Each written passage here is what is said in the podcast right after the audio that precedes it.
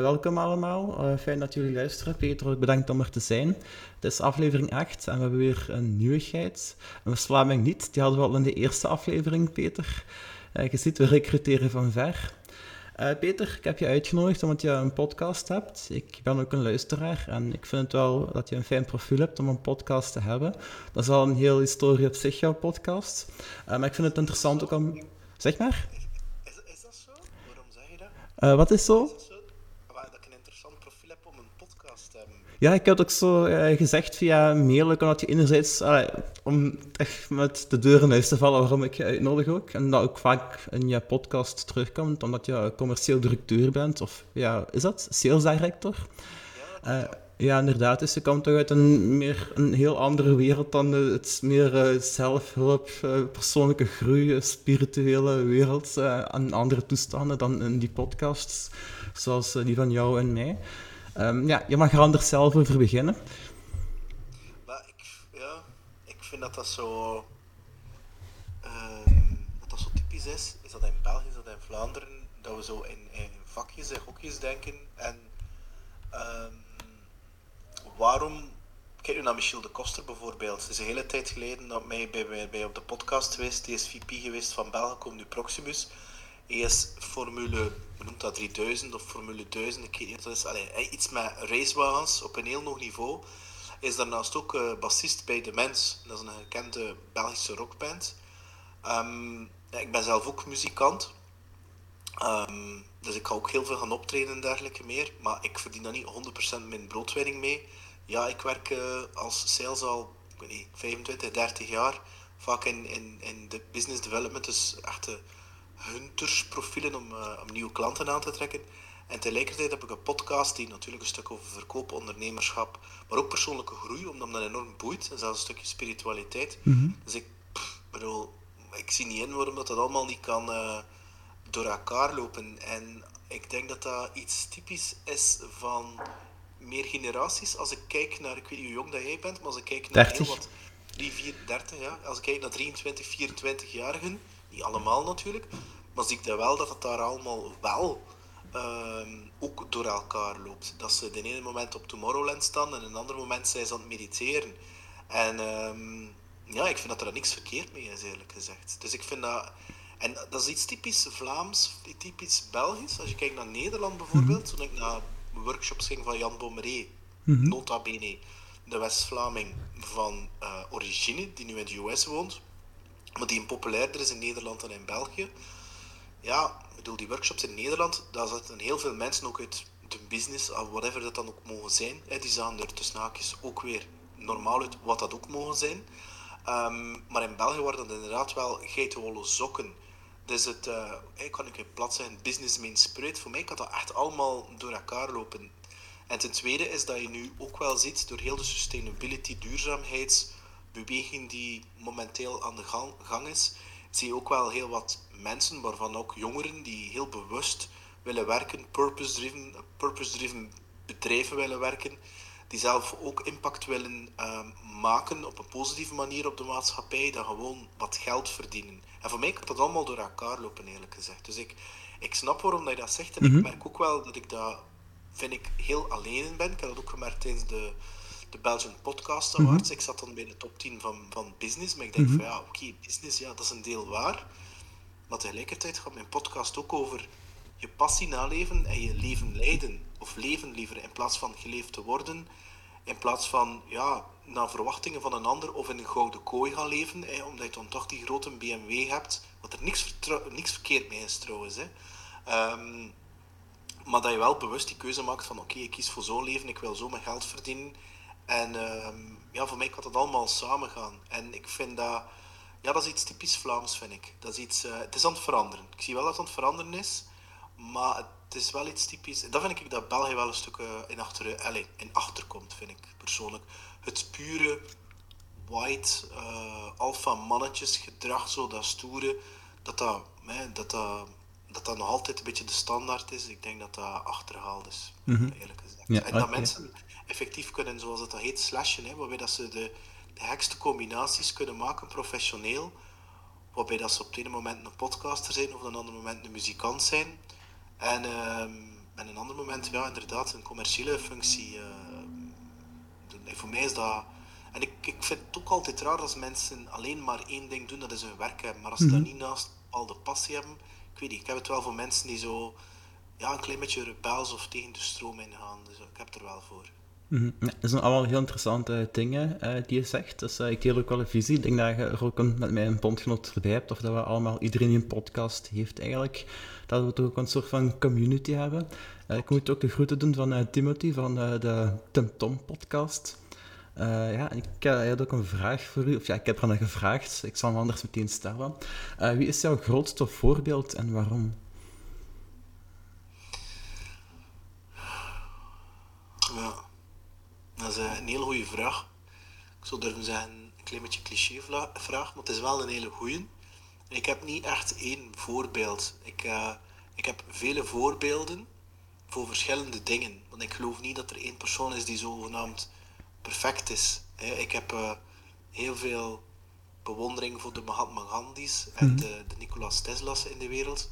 Ik heb evenveel bewondering voor, voor echt topondernemers die start-ups starten.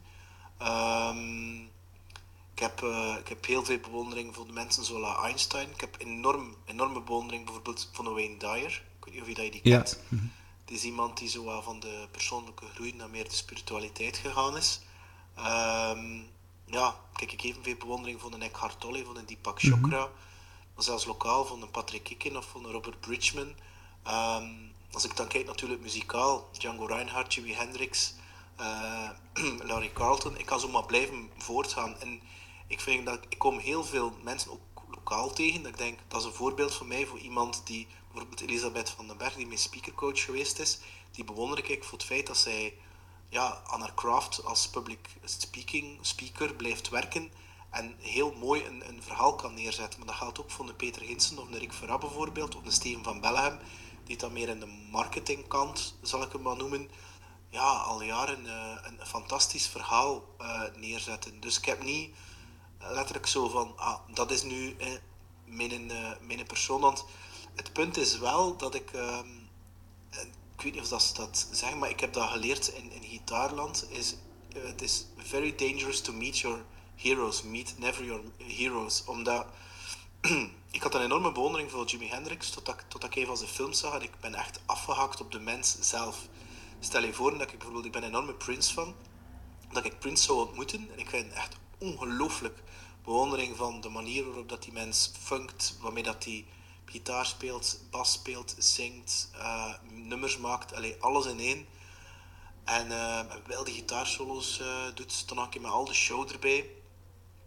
Maar stel je voor dat ik hem in het echte leven ontmoet en dat blijkt een tegenknapper te zijn, dan leef ik liever met de fantasie over die persoon want volgens mij heeft iedereen wel, misschien heeft Prins een stinkende adem, s ochtends, of een ochtendhumeur. Ja, of heeft hij zweetvoeten of zo. I don't know, weet je wel. Of blijkt dat gewoon een heel onsympathieke mens te zijn. Dus ik vind het altijd uh, ik vind het tof voor, allee, te zien wat dat mensen zijn en te laten inspireren. Maar voor nu te zeggen van uh, ene persoon, nee, dat heb ik niet. Niemand is perfect. Nu, Peter, ik neem aan dat ook de gasten die je spreekt in je podcast, dat je, dat ook een beetje voorbeelden zijn, of toch inspirerende mensen alleszins? Ja. Mm ik, bij mij is dat eigenlijk heel intuïtief dat ik mijn gasten kies. Ik kies geen gasten. Ik heb die discussie gehad met Timothy en Tom van de Tim Tom podcast, die trouwens vrienden geworden zijn dankzij de podcast, wat je zegt hetzelfde als een community, een heel warme community. In België een heel kleine community nog altijd. Um, en ik, we hebben het erover gehad, ik weet dat ze in het begin, zij hadden niemand een BV gevraagd. En ze dachten van, ah, we gaan daarmee scoren op de socials en we gaan dat door veel luisteraars hebben. Dat bleek dus totaal niet zo te zijn. Welke BV was het? Uh, moet dat maar een keer opzoeken, want allereerst is een vrouw. hè, ik kan dat niet vertellen, maar goed. Uh, Allee, precies, precies luistert die persoon, maar goed. Hè. En, uh, maar het gaat over de strategie. En, um, en ik heb die strategie nooit gehanteerd. Ik heb zoiets van, voor mij is mijn podcast, ja, dat is intussen het bedrijf geworden en dergelijke meer.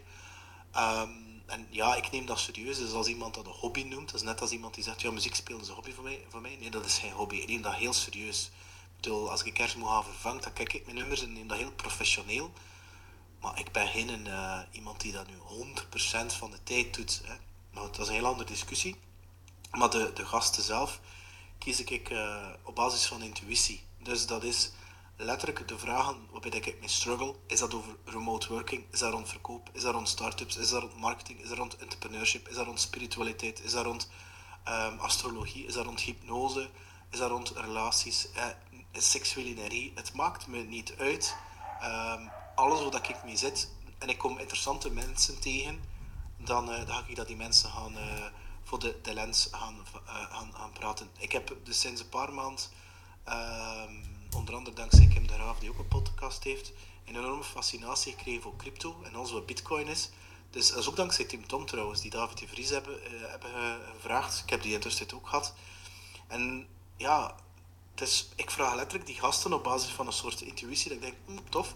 En heel vaak, quasi altijd, had er altijd een, verhaal gepaard met die mensen, waarbij dat ze, bijvoorbeeld in het geval van David, die, uh, die eigenlijk in financiële problemen zat, die dan eigenlijk uh, in een fabriek gaan werken is, die zelfs nog kookdealer geweest is, die in het gevangen heeft gezeten en al, en die dan uh, eruit gekomen is, die een, boek geschreven heeft um, over die bevrijdende ervaring van in de gevangenis te zitten, heel ander mens geworden is, in bitcoin geïnvesteerd heeft, en multimiljonair geworden is. Maar die mens, die is ook heel spiritueel, want als je die podcast die binnen twee weken uitkomt, uh, ja, binnen twee weken begin april, dan, uh, dan ga je ook wel merken dat het eerste deel gewoon over spiritualiteit en geld gaat, die twee gecombineerd met elkaar. En ik vind dat heel fascinerend om die, om die dingen te vragen. En daarnaast, wat ik ook doe, is dat als ik, uh, wat je wel vaak ziet in podcastland, dan vaak dezelfde personen terugkeren. Mm -hmm. En um, bij mij is dat ook soms bewust dat ik dan denk in een bepaalde podcast, denk, hm, interessant, maar het was voor mij niet diep genoeg. Ik wil vragen stellen die niemand stelt. Ik ga bijvoorbeeld vragen aan Jurgen Engels, de, de man achter het boek De, de 50 uh, eh, lessen van een uh, topondernemer, of van ondernemen liever.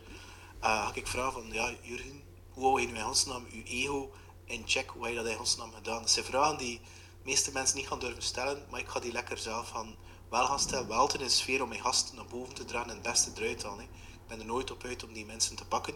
Maar ik vind het altijd wel leuk om zo een klein beetje die achterkant te snappen dan de brave vragen te stellen. Nou, waarom heb je die boek geschreven en dergelijke, of dat boek geschreven liever? Omdat, ja, de meeste van die vragen zijn al gesteld geweest en ik probeer daar wel een mhm. uniek stukje content te brengen. En natuurlijk, wat er wel leuk is, ik leer natuurlijk van die mensen extreem veel, want ik ben super nieuwsgierig. Peter, gaat hij journalist moeten worden? Is dat zo? Met uw doorvragen en uw diepgang, zoals je net zei. Ja, maar ik weet niet of je dat weet, maar sales zelf is niks anders dan vragen. Hè. Voor mij zijn dat salesgesprekken, maar bij dat er niet een volgende stap komt of zo. Dus dat is, voor mij is dat, is dat, uh, is dat eigenlijk hetzelfde als de grootste kunst. Goede vragen kunnen stellen, maar het is wel zo, door podcasting leer je dat wel. Hè. Ik bedoel, mijn eerste aflevering met Marnik van den Broek, die een topaflevering is. Mm -hmm. Maar vergelijking nu met, uh, wat is het, de laatste was mijn hele de schemaker, ook rond hypnose en opvoeding van kinderen. Ja, de vragen dat ik stel en, en hoe dat ik dat aanpak, dat is een heel andere... Ik ben er ook enorm gegroeid. Het feedback dat ik kreeg in het begin was van ja, Peter, het is nogal stijf, dat is niet wie dat je zelf bent. Kan je dat wel losser in worden. En naarmate ben ik dat wat rawer in geworden, wat meer rock en roll. En dat trekt bepaalde mensen aan, zoals jij bijvoorbeeld, waarvoor dank. En er zijn ook mensen die dat compleet niks vinden, wat ook oké is. Hè? Want de bedoeling is wel, je weet dat zelf ook wel, een podcast. Als je dat doet om beroemd te worden, denk je dat je beter een Lamborghini koopt en op TikTok gaat gaan staan. Zie je? Ik bedoel, een podcast, dat is een marathon lopen, dat heeft tijd nodig. En ik denk dat je dat vooral voor jezelf dient te doen. Um, en waarbij dat je heel authentiek blijft en in verbinding gaat met, met de persoon. Um, en dat je probeert dat verhaal uit die persoon te halen en die content probeert te delen die een inspiratie kan zijn voor andere mensen. Daar ben ik het grotendeels mee eens, Peter. Um, nu, ik denk wel, bij uw podcast is iets anders begonnen, zo. iets minder spiritueel, iets meer koopgericht. Wanneer heb je dan de klik gemaakt, eigenlijk om, om ruimer te gaan, om meer losser te worden? Of was dat al het begin eigenlijk al het opzet? Nee, nee, nee, nee. Het is wel zo dat het wel blijft met verkoop en uh, mm -hmm. ondernemerschap. Dat verandert niet. Ik heb gewoon mijn veld verbreed. Dus dat, dat blijft eigenlijk hetzelfde, want ik heb -hmm. binnenkort een, um, een wacht even, waar is ze? Uh, ze woont in Denemarken. En dat is een persoon, ik denk dat ze van Slowakije is, die me gecontacteerd heeft gewoon. out of the blue. Pardon, out of the blue. Um, op mijn telefoon. om te cold callen, om iets te verkopen aan mij. En ik vond dat zo interessant. Dat ik gewoon zeggen, weet je kom mee op mijn podcast. En je mag me alles vragen, ik ga jou in de podcast coachen. En dat is dan puur sales, uh, een, een, ja, een sales coaching podcast. Maar dat is super interessant, omdat er toch nog altijd weer die persoonlijke groei in komt. en um, dus het is dus het is wel zo dat de podcast dat de podcast wel over tijd inderdaad breder geworden is. En gewoon omdat de podcast voor mij een, uh, een, uh, een spiegel geworden is van wie dat ik ben. En dat ik, naarmate dat de podcast gegroeid is, dat ik ook me meer zelf beginnen tonen ben in al mijn facetten wie dat ik ben. In plaats van het beveiligde of het veilige stuk over verkoop. En dat is, dat gaat dat zelf ook wel merken, aflevering 8, maar dat is iets dat, je, dat automatisch bij komt. En ik zie dat bij heel veel podcasters. Wat zie je? Gezondheid? Ik denk dat, ik denk dat ik geen corona ga krijgen, want het is op afstand. En maar wat, wat zie je bij veel podcasters? Wel, dat je bij veel podcasters ziet dat ze een persoonlijke groei doormaken. Je ziet dat bij Timothy, je ziet dat bij Tom van de Tim Tom podcast. Ik heb dat ook gezien onder andere bij Annelies Delmoitier, die nu een jaar bezig is. Ze heeft net hetzelfde. En dat is omdat je, als je natuurlijk diepe verbinding had met andere mensen, dat je ervan leert. En dat je dat er ook een stuk zelf gaat nadenken, bewuster worden. En dat de podcast een leuk medium is om te mee gaan experimenteren. Want ik wou nooit een 100% sales podcast maken zoals Michael Humble, die bijvoorbeeld ook een van mijn inspiratievoorbeelden is. er zit een kriebel in mijn keel. en um, of Bram van de Velde bijvoorbeeld, The Sound of Sales, dat was nooit mijn bedoeling. Omdat ik sowieso al een enorme fascinatie had voor persoonlijke groei. Dus um, het was sowieso altijd de bedoeling om die twee te combineren met elkaar. Mm -hmm. En naarmate dat de tijd vorderde, is dat beginnen uh, breder worden. En um, ja, het is mijn podcast, dus ik, ik vind dat ik de regels maar bepaal. Het is ook een stuk creatief bezig zijn. Hè. Het is ook voor mij, net als muziek, creatief experimenteren met content, met bepaalde mensen. Ik ben zelf ook een, een lezer, dus ik, uh, ik, krijg heel veel boeken opgestuurd van auteurs. En ik sta echt wel ook achter. En um, dat vind ik dan ook leuk natuurlijk, hè, om daarmee te gaan experimenteren van, ja, bijvoorbeeld, mag dat gerust weten, de beste podcast ever van mij beluisterd, maar extreem, is niet eentje over verkoop, is niet eentje van Jurgen Engels, want dat is de nummer 2, maar gaat over narcisme met Nelly de Keien. Twee uur, full-on narcisme. En dat is een deel van vragen dat ik gesteld heb. En dat is een deel van vragen die ik gesteld heb aan, het publiek van wat wil je weten van die persoon over narcisme. Dat gaat dan specifiek narcisme in de privésfeer, maar ik plan nog altijd een, een opname te doen rond narcisme in de werksfeer, waar ik heel veel vragen rond gekregen heb. Ja, en waarom dat dan de nummer 1 geworden is, ik heb absoluut geen enkel uh, idee. Uh, ik denk niet dat ik zelf uh, in, aanra in, aanraking gekomen ben in mijn privésfeer met een narcist in mijn relaties. dat weet ik toch al sinds niet. En, um, of toch zeker niet bewust. En ja, dat is wel een topic die bij mij in mijn omgeving wel speelt bij een aantal vriendinnen. En ik was wel gefascineerd door dat onderwerp. En dat is een top, een top podcast. Dus, en dat voor mij gaat het, voor men, mensen te raken en, en, zorgen. De reacties dat ik achteraf kreeg van mensen die dat helend vonden en die daar een antwoord in vonden, of vinden liever, voor zichzelf, dat ze normaal zijn en dat ze niet abnormaal zijn, ja, dat alleen al was voor mij fantastisch. -hmm. Ja, ik heb die podcast zelf ook geluisterd over narcisme. Ik denk dat we het er nu over gaan hebben. We gaan de experts in jouw podcast erover aan het woord laten. Nu, wat ik zelf ook vind bij een podcast, vaak uh, we noemen mensen als, als zelfhulp, maar ik, ik, uh, ik, ik categoriseer dat liever onder persoonlijke groei, want dat klinkt uh, positiever. En uh, ik denk ook als je zelf een podcast start, al iedereen beweegt of maakt een reis of groeit. Maar als je een podcast maakt, dan um, zoek je nog verder die groei of die, die kennis en die verbinding op. Omdat je ook aan afleveringen moet geraken eigenlijk. Al moet het niks moet, maar je creëert het terug. Je kunt veel interessante mensen echt bereiken. Had ik geen podcast, dan zaten we hier nu niet. En ik... maar, sorry, sorry Sander, mm -hmm. heb jij moeite om, om, om, om aan afleveringen te geraken? Um, hoe bedoel je? Maar je zegt dan net van ja, ik moet aan afleveringen geraken. Dus bij mij komt dat over dat je, ja, dat je, ja, omdat je waarschijnlijk een wekelijkse ik weet niet, release hebt of zo, en dat je aan, dat je aan, dat je aan gasten moet geraken om dat te kunnen opvullen, dat komt zo'n klein beetje over bij mij. Ja, moet ik gebruik vaak het woord moeten, terwijl dat vaak niet moet. Het is, het is willen, maar het is, het is een goede vraag die je stelt. Ik heb zelfs niet zo'n zoveel per week of zo, of één per week of zo. Ik, ik ben eerder... ehm, ik ben uh, ja, met de eerste aflevering begonnen. Dat was eigenlijk zelfs gewoon een test. En als dat marcheerde, dan gaan we door naar de tweede. En uh, nu zit ik aan acht. En negen en tien zijn ingepland. Tien is een mijlpaal en zo gaan we verder. Maar ik heb niet zo'n druk van dan en dan moet dat erop. Uh, idealitair, ja, één aflevering per week of ja, één per maand. En als er tien op een jaar zijn, is het ook goed. Maar soms is er op één maand geen. En dan heb je de komende maand dan vier of acht afleveringen. Dus dat hangt er ook een beetje af van wanneer willen en kunnen de mensen. En hoe meer afleveringen, hoe meer het bekender het wordt en hoe meer mensen wel willen. Of ja, het toch, ja, hoe meer ze zich aangetrokken voelen eigenlijk. Hè.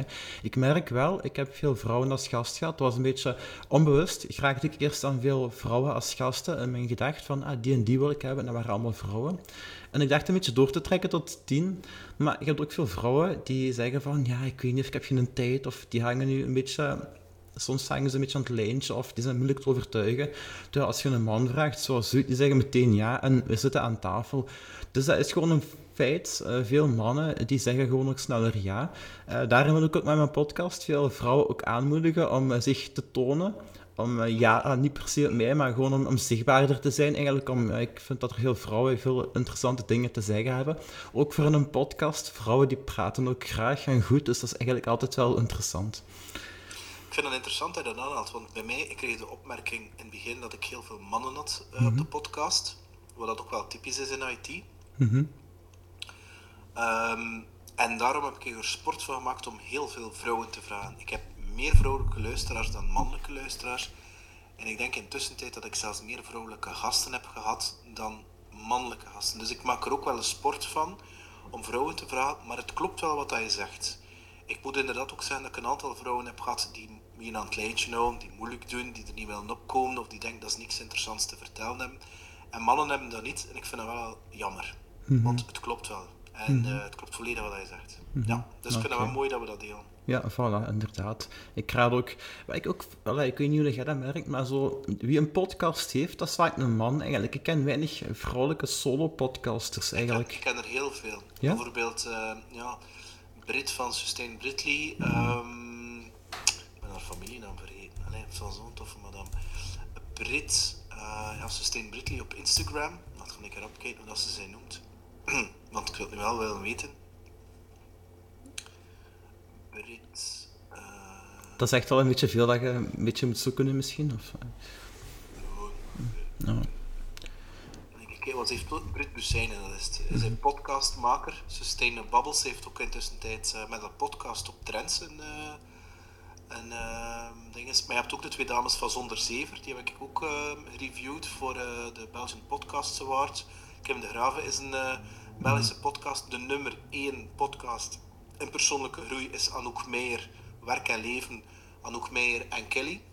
Ik ben haar familienaam van Kelly. Anouk en Kelly, fantastische podcast mm-hmm. ook heel inspirerend. Um, wie heb je nog van vrouwelijke? Het er heel veel. Lieve van Weddingen, ik heb heel veel genoten van haar podcast Challenge, dat ze elke dag een maand lang en nu soms nog een podcast opneemt. Ik vond het heel mooie gesprekken. Dus uh, allemaal luisteren naar Lieve. Ook in jouw aflevering, Peter, twee keer zelfs. Maar het ding is ook, hè, Lieve van Weddingen ook. Hè. Ik zeg het net, hè. Podcast, hè. Ja. Is dat. Dus, mm -hmm. uh, dus uh, ik vind dat er wel heel veel vrouwen zijn die uh, podcasts starten. Ik zie dan ook bepaalde die gaan willen starten, zoals een Karin Adriaansen. Kan ik alleen maar aanmoedigen. Hè. Dus ja, mm -hmm. ik vind wel dat er... Elke Vermeeren, hè, natuurlijk. Ja. Elke Vermeeren, ja, ja, ja inderdaad. Rebels ja, Only. Mm -hmm. Ja. -hmm. Dus, ja, nee, ik vind, ik vind dat positief. En, echt, en Allee, Annelies Delmatje, Fabina van Halteren, Griet Punnis, allemaal podcast. Dus uh, ik kan, kan, kan zomaar blijven doorgaan. Mm -hmm. Dus uh, ik heb Londers nu met haar crypto Bitcoin podcast op het laatste nieuws. Dan heb je nog, um, god man, die naam jong. Uh, wie heb ik hier onlangs nog gehad? Die, uh, kijk bijvoorbeeld Laurentien van Landenhem, die binnenkort ook komt die, uh, die is ook aan het denken om een podcast te lanceren. Anne Nijnens ook, heeft ook een podcast. Uh, Eva Balemans heeft ook een podcast. Ilse Himschoot, de podcaster van uh, DPG Media. Dus, uh... Voilà, we hebben al veel reclame gemaakt voor de vrouwen, dus de Vrouwenbond zal content zijn. Kijk, Katrien, Katrien van Heestel heeft ook een podcast. Ja, ja, ja. Dus, Eva Daleman. Meert Rombout bijvoorbeeld ook, van de, de Koesterfabriek, ook een podcast. Ja, ja. Joke Oosters heeft ook een podcast. Loepke loopt, maar dat is een Hollandse, denk ik. Of, Wie? Iemand die marathons loopt en ook moeder is en er een podcast over heeft. maar Nederland Hij loopt uit de ratrace, zoiets. Ik weet niet of dat Vlaams of, Vlaams of Nederlands is. Ehm, Maar in Nederland heb je sowieso eh, meer, ehm, veel meer is podcast. Veel groter dan in Vlaanderen. Zelfs Vlaanderen loopt achter op eh, Wallonië. Wallonië is veel groter podcasting. Is veel groter. Ja, en, het, is, het leven is aan de durvers en eh, de, op, en de starters, de beginners. Hè. Goh ja, terwijl dat podcasting bestaat al sinds 2004 en semi uitgevonden door een, eh, een halve Hollander, Adam Curry van de, hoe noemt dat, de Countdown, de, de, die, die top, op, eh, die top, noemt dat, die pop show uit Nederland. En ehm, ze noemen ook wel de potvader. Dus zo, zo heel recent is podcasting niet. Het is wel geboomd sinds, ik weet niet, 2017, 2018. En door, eh, wat is daar in eh, 2020, door heel dat... ehm, C-ding is eh, heel die is dat ontploft, eh, podcasting. Dus, ehm, en veel heb je niet nodig. Hè. En, eh, ja, je hebt genoeg eh, online pro- programma's, zoals die de Riverside hem hier gebruiken. Die uh, nemen het op en eh, en gooit het online en, eh, met een anchor. Dus het is, qua technologie heb je bijna niets nodig. Hè. Mhm, Voilà. Welke podcasts luister je zelf eh, vaak en graag? Ah, ik ken er heel veel. Ehm, ik ben begonnen met de podcast van eh, Eindbazen, een podcast in Nederland. Ehm, natuurlijk, ik ben ook fan van Tim Tom. Tim Tom, Tom podcast eh, vind ik ook al toffe gasten. Ehm, Maarten Bouvet met zijn Cloud City vind ik ook heel tof. Dat is meer in de technologie space. Ehm, ja, natuurlijk die van Anouk, Anouk Meijer. Ook al, ik, ben niet, ik zit niet in een doelgroep. Het Kindergraven vind ik ook heel tof. Elke Vermeijden vind ik ook heel tof. Natuurlijk Katrien van Heestel vind ik tof. Ehm, die van Bunnis heeft ook eh, Your Future is Now, vind ik ook heel toffe gasten. Ehm The Sound of Sales van Bram van der Velde, dat over sales specifiek. Ehm, een podcast dat ik onlangs heb ontdekt is Nathan Latka. Dat is een, eh, een kerel uit Amerika die alleen maar CEO's van start-ups vraagt en die letterlijk gewoon hen de kleren van het lijf vraagt rond cijfers, rond waardering, hoe dat hun revenue opgebouwd is. En ehm, ze noemen hem ook de most sued podcaster, omdat hij dingen zegt die, dat, ze, dat die CEO's eigenlijk niet mogen zeggen. En ehm, en die dan achteraf zeggen van ja. En soms doorprikt hij ook CEO's die, die bleken compleet eh, bullshit te vertellen. En ik hou wel van die stijl, dus zo 20 minuutjes zo. En ehm, ja, ik vind dat wel eh, ik vind dat een heel toffe podcast ook. Dus ik heb een, het hangt een beetje vanaf van, ik heb zelfs ook een, een podcast die over muziek gaat, over, eh, over, over mix-dj's in Nederland. Dus, eh, want allee, bijvoorbeeld de band dat ik speel, we mixen alles door elkaar. Ik ben enorm gefascineerd hoe dat je twee extreem andere nummers in elkaar kunt laten mixen. Dat is een enorme passie van. Ik heb dat al sinds mijn, dat ik echt 5, 6 jaar was. Dus ja, vraag me niet voor waar ik het gehaald heb, maar dat creatieve voor die dingen door elkaar te halen. Dus ik heb daar ook podcasts van, natuurlijk ook crypto-podcasts, wat ik ook volg. Dus ehm dat hangt een beetje af naar mijn, naar mijn moed en naar mijn... eh, ik, ik ben nu onlangs op een, een spirituele podcast van Michael Singer, dat ik via Greet Bunnis heb leren kennen ook. Heel toffe, trage podcast. Uh, ook een podcast van Esther Perel bijvoorbeeld. Um, dat vind ik ook heel tof. Of die van Jay Shetty. Vind ik soms, zit er ook soms heel tof in. Uh, of Tim Ferriss. Die, die reclame vind ik wel een beetje minder, maar goed, ja, ik, bedoel, ik snap het wel. Ik, bedoel, uh, ik doe het ook wel, dus ja. -hmm. ja een hele lijst. Ja, ik doe niet meer al die... Goh, ik, heb net, um, ik heb net uh, de podcast uh, met Pieter Logerdon van de Tim Tom podcast uitgeluisterd. Het is maar een kleine drie uur geduurd. Maar als ik dat zie op mijn Spotify, ja, ik laat dat spelen. En als ik geen tijd heb, zet ik ze af. Of als ik ergens anders zit of een meeting heb of zo. Maar anders staat eigenlijk constant thuis aan het een of het ander. Ofwel Spotify muziek ofwel podcasts. Ja, als je eet of buiten bent of ja, wandelt eigenlijk. Dus uh, ik heb eigenlijk altijd gezelschap van interessante mensen. Dus dat is een hele verrijking, zeker als je alleen woont. De Kobe Show, ik weet niet of je dat kent. Zou wel zijn. Ik, de koptelefoon dat ik aan heb is van Kobe. Ah, maar ja, ik, Ik heb... van hem. Ah, leuk, leuk. Ja. Dus dat, die, heb- die heb ik heel lang alle, bijna alle afleveringen gezien, geluisterd, tijd iets minder. En het grappige is, in september vorig jaar eh, ben ik een podcast begonnen. En het jaar daarvoor heb ik twee mensen, waaronder ook eh Koba, eh, via Skype gesproken over zijn podcast eigenlijk. Toen had ik mijn logo en alles eigenlijk, eigenlijk al klaar. En een jaar later ben ik effectief de podcast begonnen. Dus dat vond ik wel cool. dat Ik kon teren op het idee en het werk van een jaar geleden eigenlijk. En dus ook fijn om te weten hoe ik met mijn podcast begonnen ben. Ehm, dus ja, ik heb ik journalistiek gedaan en dan, dan schrijf je veel geschreven interviews. En dat is wel fijn, maar dat is nog zoiets te vraag-antwoord. Iets te fel interview, te weinig gesprek. En iets te zakelijk. En je merkt ook dat mensen achteraf zo hun, woorden aanpassen. Ik, ik laat het dan nalezen. Ik vind dat een mooie service. Dat is goed om de band onderhouden of om je interview beter te maken. Maar je kunt soms moeilijk zeggen. Allee, soms kan het, het gesprek niet helemaal weergeven. Niet eens in woorden. En je mist ook een beetje het gevoel. Ik vind audio ook heel puur. Eh, ik, lees, ik lees wel graag, maar je kunt, in de auto kun je niet lezen. Hè. Eh, ik heb net wel, eh, voor we dit gesprek hadden, had ik gemerkt dat je een, ehm, een podcast had gedaan met de Business Dads. Ik heb die niet meer kunnen luisteren nu, maar ik heb er wel nog snel, want je had het uitgetypt, kunnen lezen. Dus in die zin was het snel, maar ik zou dat... ehm, ik ga mijn eigen podcasts niet meer niet uittypen, want ik vind dat, daarvoor ben ik geen podcast begonnen. Maar ik vind audio eigenlijk een heel puur medium. En eh, zeker, dus in september vorig jaar, dat was nog zo'n beetje de coronasfeer. En ik had zoiets van, ja, ik wil met meer mensen verbinden. Ik heb al veel podcasts geluisterd, ik wil het nog eens doen. Eh, ik wil gewoon mensen zien, of interessante mensen zien, los van views of dit of dat. En eh, dan groeit dat wel organisch, en daarom zitten wij nu ook, ook eigenlijk samen.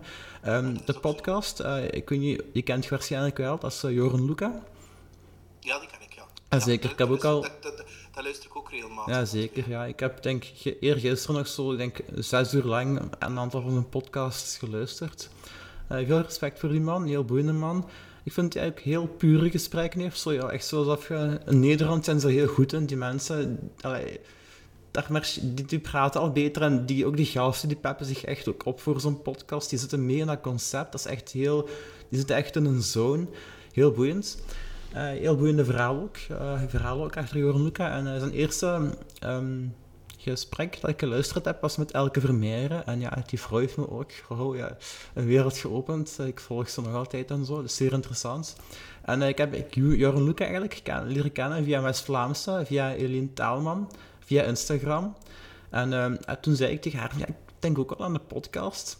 En zij dan, van wat houdt het tegen? Ah wel, dan zet jij mijn eerste gasten en zo is het begonnen eigenlijk. Dus eh, ik vind Instagram ook een heel positief medium. Ik krijg er veel kracht en energie van. Je, krijgt, je leert er heel veel mensen kennen. Ehm, ja, ik heb ook al wat berichtjes gestuurd via Instagram. Ik heb net ook gezien dat jij mij via Twitter volgt. Welkom. Eh, ik moet wel zeggen, ik ben minder eigenlijk niet actief op Twitter, enkel om mijn podcast te promoten, maar als student was ik al vrij actief. Ik heb ook veel mensen, interessante mensen leren kennen via Twitter. Eh, maar het valt me op, Twitter is eigenlijk eerder negatief en Instagram positief. En het valt me ook op dat als iemand zowel Twitter als Instagram heeft, dat zijn twee andere gezichten. Terwijl dat toch éénzelfde persoon is. Dus je post automatisch blijkbaar negatiever of saaier op, op, op, op Twitter dan op Instagram. Ik weet niet hoe jij daarover Oh. denkt en je mocht er gerust eens op ingaan. Ehm, bij mij is het, ik zit op LinkedIn, omdat ik dat al had, professioneel. Facebook een beetje, omdat dat privé was. En dan Instagram ben ik from the ground up met niets begonnen.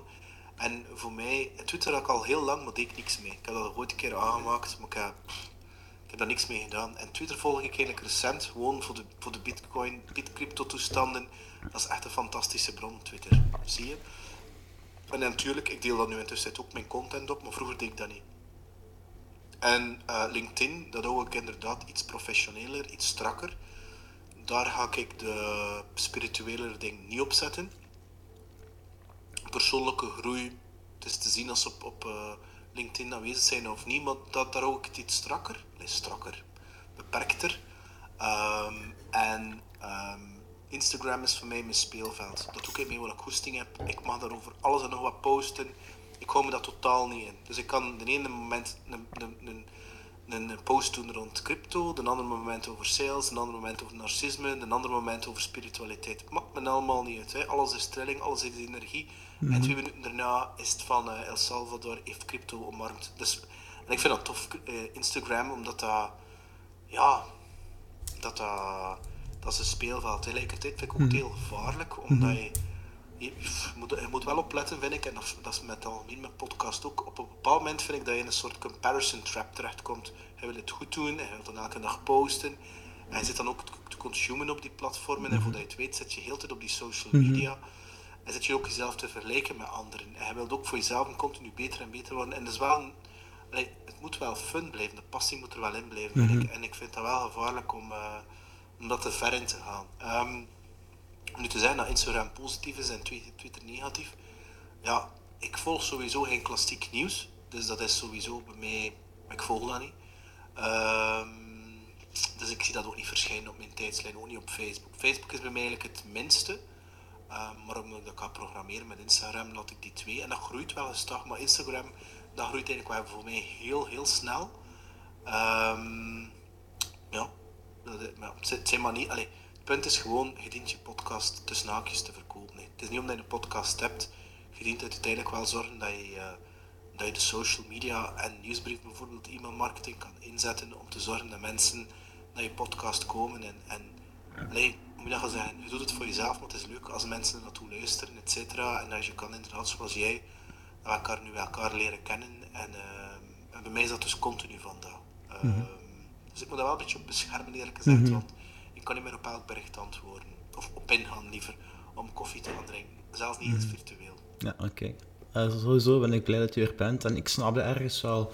Um, ja, ik, heb ik krijg niet veel, mega veel berichten of zo, maar ik ben ook niet de persoon die daarop op kikt of zo. Dus ik denk wel, moest ik zo... Ik, ik, ik, kijk daar ook niet op. Maar Sommige mensen wel. maar ik denk, also, denk, moest je een luisteraars omhoog gaan, zou ik nog zo ook zien dat mijn tijd of mijn energie daar niet in hoog gaat, of dat dat geen negatieve energie wordt. Dus dat is inderdaad belangrijk om, om te bewaken eigenlijk. Ik vond het ook net interessant wat je zei van alles is energie. Um, vorig jaar, en vorig jaar heb ik ook zo'n quote gelezen van uh, Nikola Tesla. Van, ik weet niet of je de quote kent, van als je het leven wil begrijpen, moet je term, denken in termen van energie, vibraties en uh, frequenties. En uh, dat verruimt je kijk echt wel. Ja, ja klopt. Maar dat, is nog, dat is nog scratching the surface, vind ik.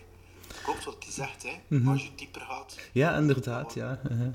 Maar dat is zoiets van... Allee, ik had dat vorig jaar oh, ergens... Iemand heeft dat toen getoond, zo'n slide bij de workshop. En daarvoor, zeker voor al die podcast-toestanden, twee, drie, twee jaar geleden of zo, had ik er nooit allemaal van gehoord eigenlijk. Terwijl, ja, die Tesla, die is... Uh, die leefde in de jaren... Begin, ja, ik denk... Ja, een, een eeuw geleden, honderd jaar geleden, zoiets. Ja, dat is allemaal niet nieuw eigenlijk, hè. Ja ja, die mensen is daar wel binnen op een brandstichting of stapel van gekomen. Hè? Ja, je ziet, uh, spreken is soms uh, gevaarlijk, zwijgen is soms goud, maar dat telt voor mij betreft toch niet altijd. Nee, dat is vandaag mm -hmm. de dag. Uh, enfin, er zijn nog altijd manieren om, uh, om te zorgen dat je bent wordt op social media. Ik bedoel, rond heel de, allez, de, de, de, thematiek die al geweest is. Dus ik ga er ook geen statements over nemen zoals Business Dad wel, hè. Mm -hmm. Doet dat wel, ik niet. Ja, maar ik vond dat, allee, ik ga het er ook niet over hebben, maar uh, dat was ook niet mijn bedoeling, maar ik vond dat ook cool. Uh, ik had net die podcast met Peter Logerdon uh, gebruikt en zo het woord corona werd ze aangereikt en die zei ook van, we gaan het er niet over hebben. En ik vond het ook wel cool, want die heeft er een mening over, maar geen negatieve energie in steken. En ik denk ook dat we nog over andere zaken kunnen praten. Zoals, um, als we toch in termen van energie zijn, ik denk dat het in jouw podcast was, maar ik denk dat je vaak zo het boek van Jan Brommeré hebt aangeraden over flow. Hij heeft eigenlijk twee versies ervan. Um, ja, je knikt, dus je zet een beetje mee. Uh, go on. Maar de, je hebt inderdaad de versie flow die de businessversie mm -hmm. is. En de kunst van het zaken doen. Ja. De kunst van het zaken doen, inderdaad. En dan heb je de andere, wat dan eigenlijk een afgeleide vervolg is, maar dan eigenlijk zonder al de business erin. Ja, ik, ik denk van rups naar vlinder, hè? Uh, zoiets. Ja. Ja, mm ja. ik heb ze allemaal gelezen, eigenlijk, van Jan Brommery. Ik ben een grote ja, fan geworden. Ja, zo verslijnd. Mm -hmm. Maar bijvoorbeeld Flow zelfs, uh, het boek gewoon, over kunst van zaken doen, dat alleen al, ik denk dat ik hem vijf of zes keer gelezen heb, dat blijft laag naar laag. En dat boek is meer dan twintig jaar oud, hè. Dat is... Uh, heeft dat eigenlijk geschreven omdat hij in geldproblemen zat en uh, heeft dat zelf uitgegeven. Niemand wil dat boek uitgeven, dus ja, je weet mm -hmm. wel als je het zelf uitgeeft, wat dat dan financiële implicaties heeft. Dus dat is voor hem een hele goede. Ik denk dat ik meer dan honderd van die boeken heb gekocht en weggegeven. Van die flow. -hmm. Dus um, Mijn podcast is eigenlijk ook gestart omdat ik hem per se wou. Ik startte als een YouTube-kanaal rond verkoop, Selling Without Selling Your Soul. En ik wou hem, ik wou eigenlijk om de tien uh, afleveringen een, een, gast hebben. Hè. Uh, en de rest ging ik zelf over verkoop babbelen. En, um, en ik dacht, ik ga op aflevering 40 Jan vragen. Die zei direct, ja, het was al aflevering 4. Dus voor mij was het al van, ja, oké. Okay. De helden die ik wou vragen, mm -hmm. ja, die zijn al gekomen. Dus dat was zo voor mij, ja, mm -hmm. oké. Okay. Dus, um, en ja, dat boek voor mij was zo van. Dat klopte alles in elkaar. Mm -hmm. Hetgeen dat we in het begin van het gesprek zijn, de business en de spirits, alles in elkaar, dat kan allemaal. En dat boek komt daar ook in overeen. Uh, en ik weet dat er heel veel, dat er toch een aantal mensen zijn, of toch de meeste mensen, die dat boek heel wollig vinden en, en die totaal niet snappen, wat ik ook snap. Totdat ze iets gaan meemaken in hun leven, wat ik hen niet toewens natuurlijk, een burn-out, een echtscheiding, zelfmoorden, uh, zelfmoordneigingen, weet ik veel wat, ziekte, of ziekte van een dierbare, of een verlies van een dierbare, waarbij dat ze wel, uh, ja, hoe zou ik het zeggen, uh, door een, een, periode van zelfreflectie gaan gaan, mm -hmm. en dat ze wel onder andere zo'n boeken zullen wel helpen om tot mm -hmm. bepaalde inzichten te komen.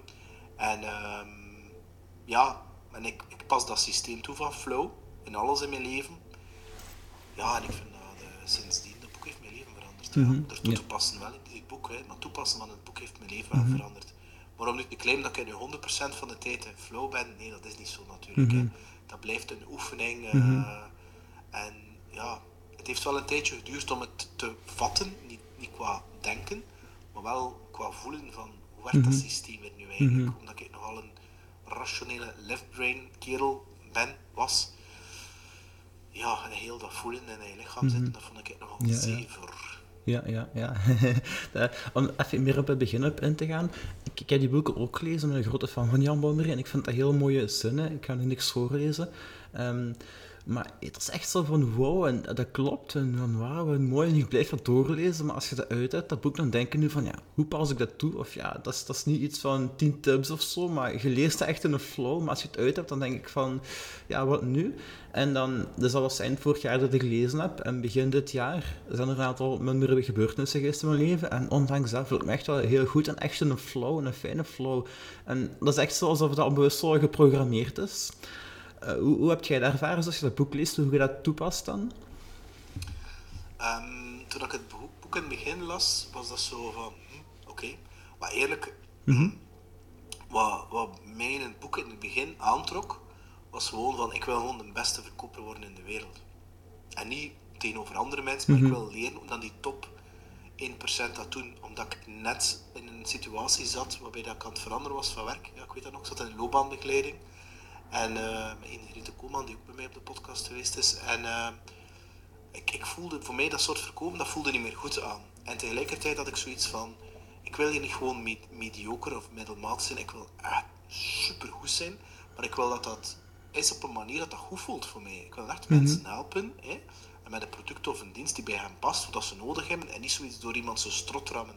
En dat boek heeft dus voor mij gedaan, en allee, het is te zeggen, dat boek heeft voor mij aangetrokken omdat er daar tips in staan van hoe dat je dat dan doet. Hè? Hoe, hoe, hoe, komt dat dat er één verkoper is die een verzekeringen of auto's verkoopt, die gewoon meer verkoopt dan heel zijn industrie samen, of 400 verkopers. Um, ik wou dat weten omdat die mensen dat deden. En um, ja, in het begin is dat ook zo van ja, oké, wat staat er nu eigenlijk hierin? Wat heb ik dan gedaan? Ik heb gewoon alle, maar letterlijk alle verwijzingen die Jan heeft gedaan naar die, in dat boek, uh, Jim Rohn, um, Tony Robbins, Deepak Chopra, Eckhart Tolle, um, Art Williams, hè, van, uh, die, die zelf een verzekeringsbedrijf heeft gehad. Um, en ik heb zelfs zijn uitspraak op de podcast letterlijk gezet, met de nodige copyright uh, links natuurlijk. En ik heb gewoon alles, al die verwijzingen, alles gelezen, gelezen liever, beluisterd, bekeken uren, dagen, weken, maanden aan een stuk. Ik heb allemaal vers, verslonden.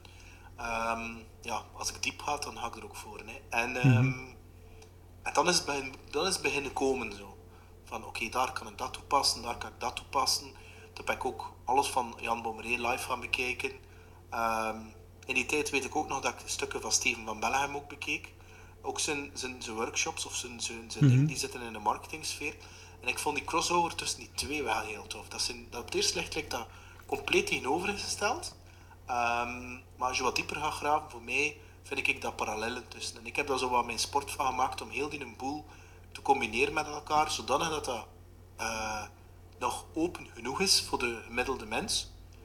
Maar dat de mens die wat dieper zoekt, die kan de dubbele bodem, de dubbele laag wel gaan lezen. Zodat dat het wel. Want ik heb anders ook het kunnen noemen, want de podcast noemde hij eigenlijk eerst als titel, in plaats van What's on your mind, noemde het Conscious Conversations. Maar ik wist dan, als ik die titel neem, alleen die consciousness en die awareness, dat, zijn, dat van die dingen die zo in spirituele middel, midden, middens, zijn, maar daarnaast is dat zo van, what the fuck is dat man? En vandaar ik dat, maak ik daar sport van, om dat zo open mogelijk te kunnen brengen, zodat er niemand, en dat iedereen neemt van wat er bij hem past of haar past. En um, dus ja, en het punt is nu, voor terug te keren naar je vraag van Jan Boemeré, is dat dat een ding is dat je met heel je leven dient te voelen. Dat dat emotioneel, mentaal, fysiek, spiritueel is, dat je dat niet te ervaren, niet flow. En het makkelijkste is eigenlijk te vergelijken met, voor mij is dat dan met muziek gaan spelen in een band, waarbij dat je raakt dat je in een soort trance, waarbij dat de muziek je eigenlijk als band overneemt en dat ik niet meer aan het nadenken ben welke noten dat ik het dan spelen ben. En dat je eigenlijk gedragen wordt. Maar dat hetzelfde als een sporter die in, ingaat op hetgeen dat hij aan het sporten is, of een mhm. danser die ingaat op de dans zelf. En uh, ja, dat, dat maakt het eigenlijk. Uh, ja, en als je dat weet als flow, en dat is de, de natuurlijke zijnstaat van de mens. En gewoon dat woord, dat is de natuurlijke zijnstaat van de mens. Oké, dan ga je kijken naar kinderen, hoe dat de kinderen zijn. Die zitten continu in flow. Oké, hoe, kan ik, hoe kan ik dat bekomen? En dat is niet iets dat je kan doen, maar dat is iets door los te laten en door te zijn dat je in flow staat komt. Het is vooral je ego, wat het eigenlijk een bij elkaar geharkte um, overtuigingen en conditioneringen zijn van wie dat je denkt dat je bent, maar eigenlijk niet bent. Hè? Um, dat je eigenlijk er gaat achterkomen van als je al die dingen loslaat, kan je eigenlijk in flow gaan komen en kan je eigenlijk het leven laten ontplooien door jou. Het leven laten manifesteren door jou. En um, dat klinkt een beetje, dat klinkt nogal wollig, ik kan me dat best mm -hmm. maar één keer als je, dat, als je daar wat mee bezig bent, ga je dat snappen wat dat eigenlijk wil betekenen. Maar als gevolg dat intuïtie daar ook in, in uh, op zijn plaats komt, waarbij dat je letterlijk beslissingen gaat nemen op basis van je intuïtie, van oké, okay, dat, voelt dat hier niet goed aan, voelt dat hier slecht aan, en, uh, en dat er dan een pad open gaat van positieve energie. En dat is eigenlijk dat je in een auto zit die 100 meters verder kan zien, en dat je, doordat je dat pad aan het bewandelen bent, door die positieve dingen te doen, voel je dat dat jouw pad is. Terwijl dat de paradox is dat er geen pad is. Dat is dan weer al de paradox. Maar dat is het leven. Hè? Mhm. Dat is de yin en yang. En door dat te gaan bereiden, die 100, die 100 meters en te zien, dat je eigenlijk aan te vertrouwen op je intuïtie, ga je eigenlijk beslissingen nemen in je leven, in plaats van externe validatie van ah, look at me, en titels en prestige, maar je eigenlijk beslissingen nemen met wie dat je zelf bent. En ga je voelen dat je door meer en meer in flow eigenlijk komt. Zie je? Maar dat betekent ook wel dat je door dingen, mensen, status dingen gaat dienen los te laten.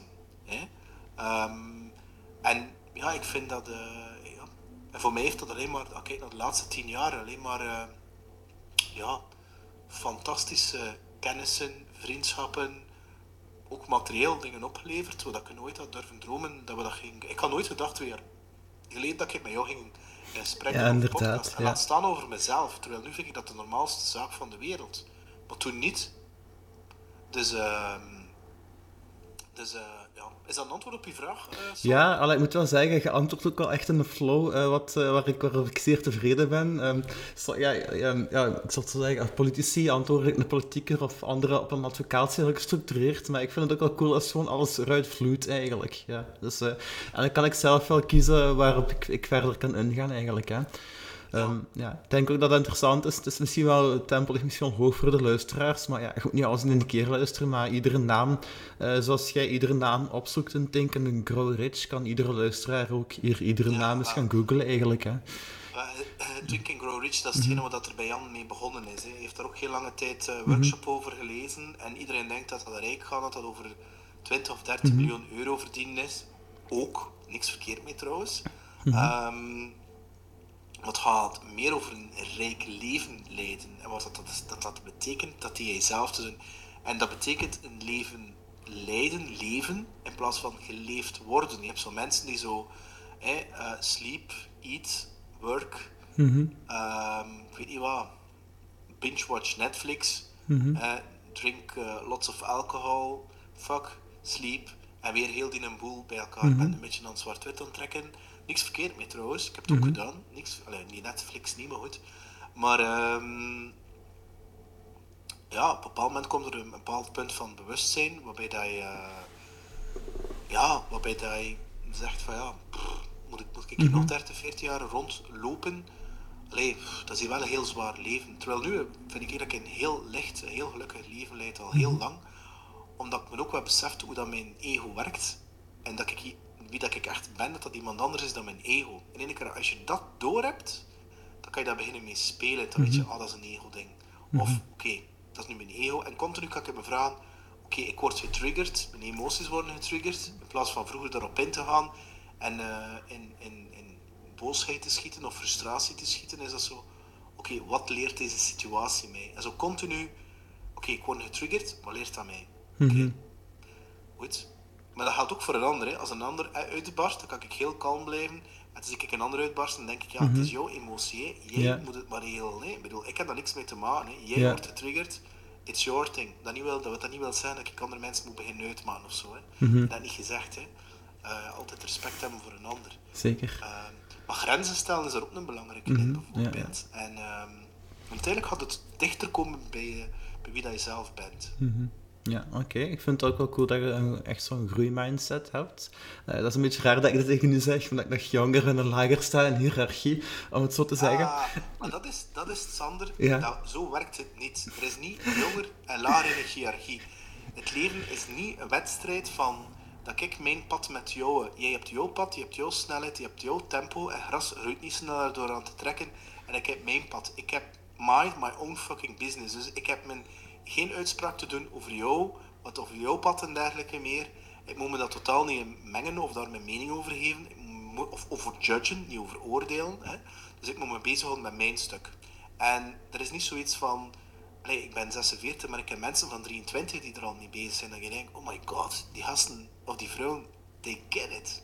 Maar ook mhm. zij dienen door dat proces. Het is niet omdat je daarmee bezig bent, of daar al iets langer mee bezig bent, want dat dat dan op een keer, uh, hoe ik ga zeggen, stopt of zodat je op een keer alles weet. Nee, in tegendeel. Mm Je bent zelf nog, door dat meer bewuster te gaan leven, krijg je ook, ja, moet ik dat gaan zeggen, uh, is het leven tegelijkertijd lichter, maar tegelijkertijd is het ook zo dat je, ja, hoe moet ik het gaan zeggen, uh, je doorprikt ook heel veel dingen. En soms is het ook leuk om de dingen niet te doorprikken, eerlijk mm gezegd. Dat je denkt van, sommige mensen dat ik zie, dat je denkt, die leven een simpel leven, en dat kan ook wel je charme hebben natuurlijk. Alleen ja, mm bij mij is dat voor mij anders uitgestippeld. Wat ook oké is natuurlijk. Ja, zeer interessant wat je zegt. Uh, ik zal ook even ik, nu op veel dingen inpikken. Uh, ik vind het cool dat je zegt van, uh, van die boek van Jan Bommeré dat je echt je werk doet. lezen is ook werken. Je kunt dat lezen en dan hup, en aan het volgende boek beginnen. Maar als je echt alles uitspit, dan komt er ook veel te weten. Dus dat vind ik wel cool.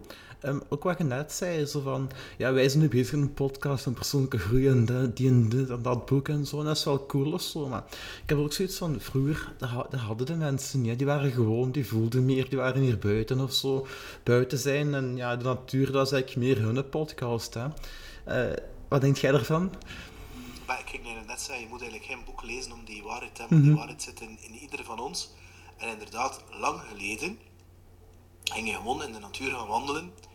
En uh, heb je al die prikkels niet en heb je dat ook allemaal niet nodig. Zolang dat je voelt en dat je in contact bent met wie dat je bent, dat is het eigenlijk. Mhm. En er is ook nog een ander aspect, is dat er ook een heel deel van de bevolking in de wereld bezig is met te overleven om aan voedsel te geraken. Dreed dat ook niet. Mhm. En dan is het wel tof voor in de, Maslow van, uh, de, de piramide van Maslow, hè, waarbij dat de, de bovenste tak zelfontplooiing is.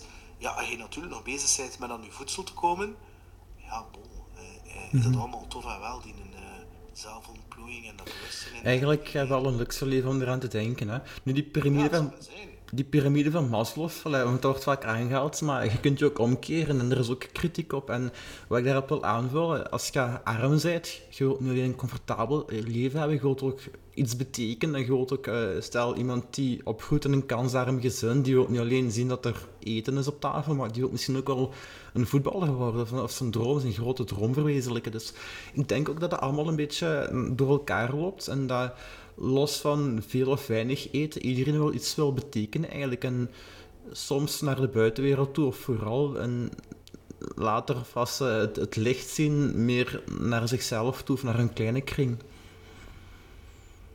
Ja, ha, weet je, dat arm zijn of niet, dat, mm -hmm. ik vind dat een moeilijke tegelijkertijd. Het is moeilijk ook om aan die mensen van plaats te denken, hè. Ja. ja, maar ik heb een aantal gasten gehad die effectief heel arm zijn opgegroeid.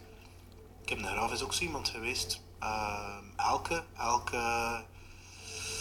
uh, van Dino Busters, uh, oh, man, is dat? Elke uh, Wambak, ja, mm -hmm. die, um, die ook bijvoorbeeld. En weet je, ja, als je dan nu ziet hoe dat ze zij bereikt heeft, vind ik dat super knap.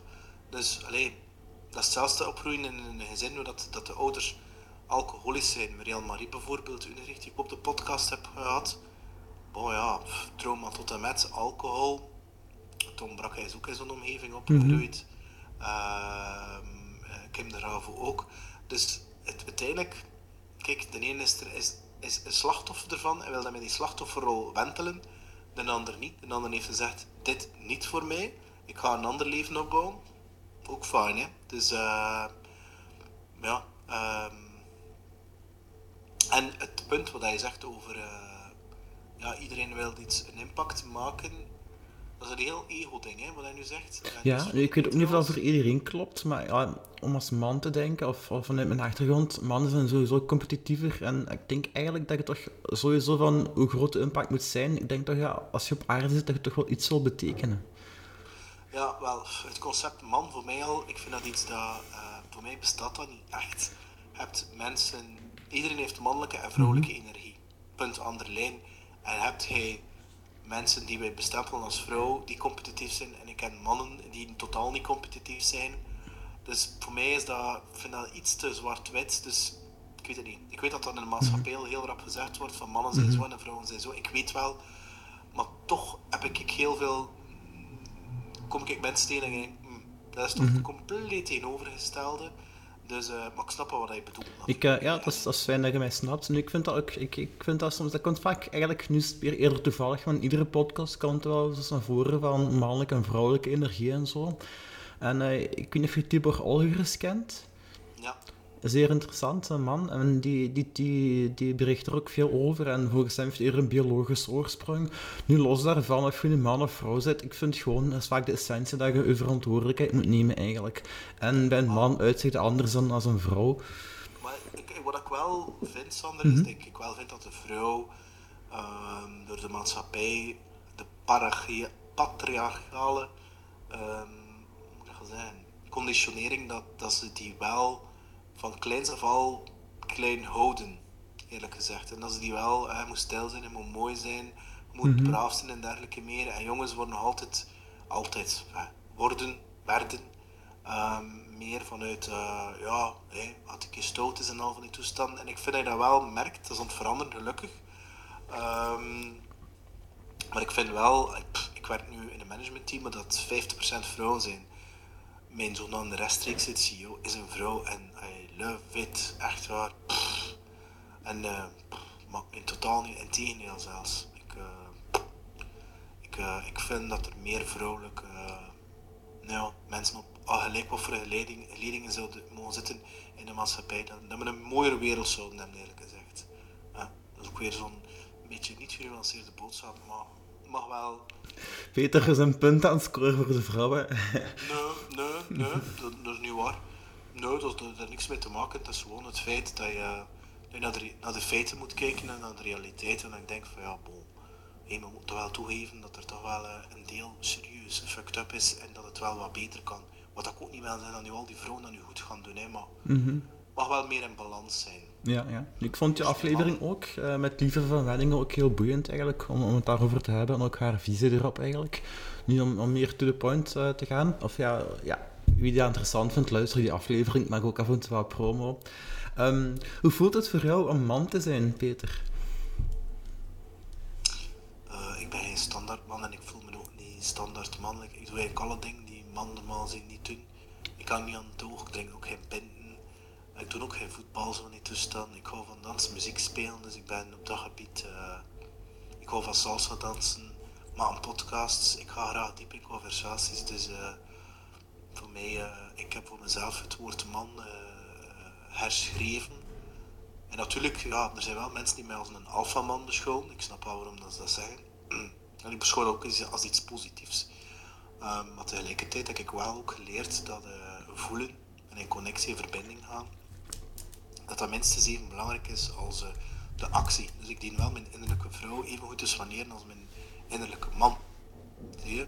Dus maar pff, aan een doel gaan en ik, voilà, nee, dat interesseert me niet. -hmm. Ja, oké. Ik heb ook trouwens een podcast, allee, ik luister al meerdere podcasts van jou, maar um, ik had eens een mooie stelling genoteerd, die ik zelf ooit eens zou willen stellen in een van mijn podcasts. Maar ik ga ze nu gewoon aan jou stellen. Um, ja, het zal wel herkend klinken zeker. Um, een relatie is een spiegel voor een uitnodiging om te groeien. Het eerste jaar gaat het goed en daarna begint de miserie. Dus het is vooral belangrijk om uh, je innerlijke vrouw als man zijn of om je innerlijke relatie te omarmen. Ja, Doet het jou nog een belletje rinkelen? Ik weet niet meer welke dat ik dat gezegd heb, maar dat is zeker een dat ik... Uh, ik heb die geleerd van Eckhart Tolle. Hetgene, als jij je geluk extern bij iemand anders of iets anders legt van dingen dat je per definitie ongelukkig zijn. By definition. En dat is iets wat ik heel vaak zie bij, bij mannen als bij vrouwen. Zeker als ze wat ouder worden, met de 30, 40 worden. dat ze denken van ja, ik heb geen lief of ik heb, ik heb nog geen lief gevonden of uh, ik ben weer single of zo. Mm -hmm. Dat ze denken dat die persoon, die persoon gaat gelukkig maken. De grootste bullshit. Dat inzicht heb ik zelf maar geleerd op mijn bijna 40ste. Dus uh, wat hij wat je wel dient te doen is relaties bekijken als een uitnodiging tot groei, voor je eigen stukken aan te pakken, in plaats van iets om uh, gaten te gaan opvullen, wat ik ook gedaan heb. Hè. Door mm -hmm. ja, roken, drinken, feesten en weglopen van de, van de pijn om niet te moeten voelen. Niks verkeerd mee, mm -hmm. maar uh, ja, you can run, but you can never hide. Mm -hmm. dus, ja. Ik vond dat een, mooie stelling of een mooie uitspraak om er verder over na te denken. Ik denk dat er vooral, uh, zo zeker dat groeiaspect, of kijken naar jezelf, dat er interessant is. Ook als je met een vinger naar iemand wijst, dan uh, echt even het voordoen, dan wijzen er. Dus als je met je wijsvinger naar iemand wijst, dan wijzen je middelvinger en je, ja, welke vinger, je ringvinger naar jezelf. En je pink ook. Dus uh, je moet vooral naar je eigen kijken. Dus dat kun je zeker in een relatie toepassen. Maar ik denk ook, stelt je dan het concept van een relatie niet een beetje een, vraag eigenlijk? Of waarom hebben we dan nog een relatie nodig? Goeie vraag. Um, ik denk dat niet. Ik denk dat je voor jezelf moet uitmaken mm -hmm. of een relatievorm bij jou past, eerlijk gezegd. En ik denk dat dan de maatschappij dat niet moet overoordelen over dat dat zit. En ik denk dat er meer is dan een, uh, een klassieke relatie. Ik ken een klassieke relatie. Ik ben getrouwd mm -hmm. met een kindje.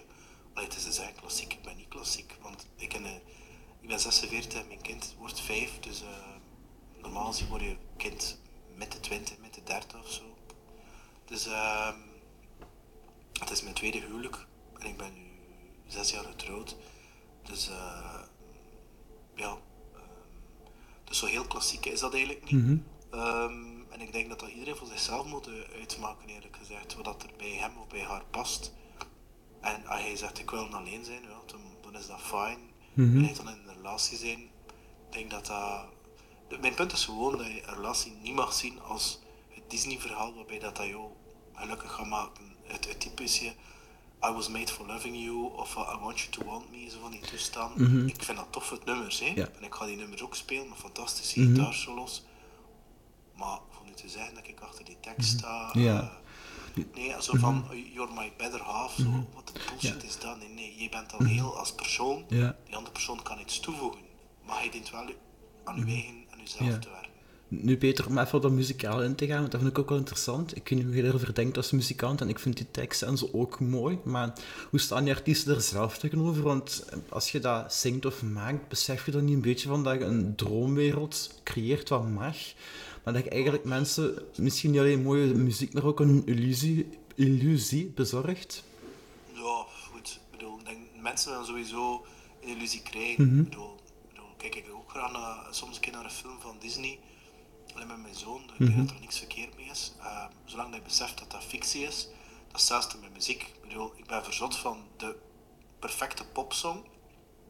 En ik denk dat er dan niks verkeerd mee is.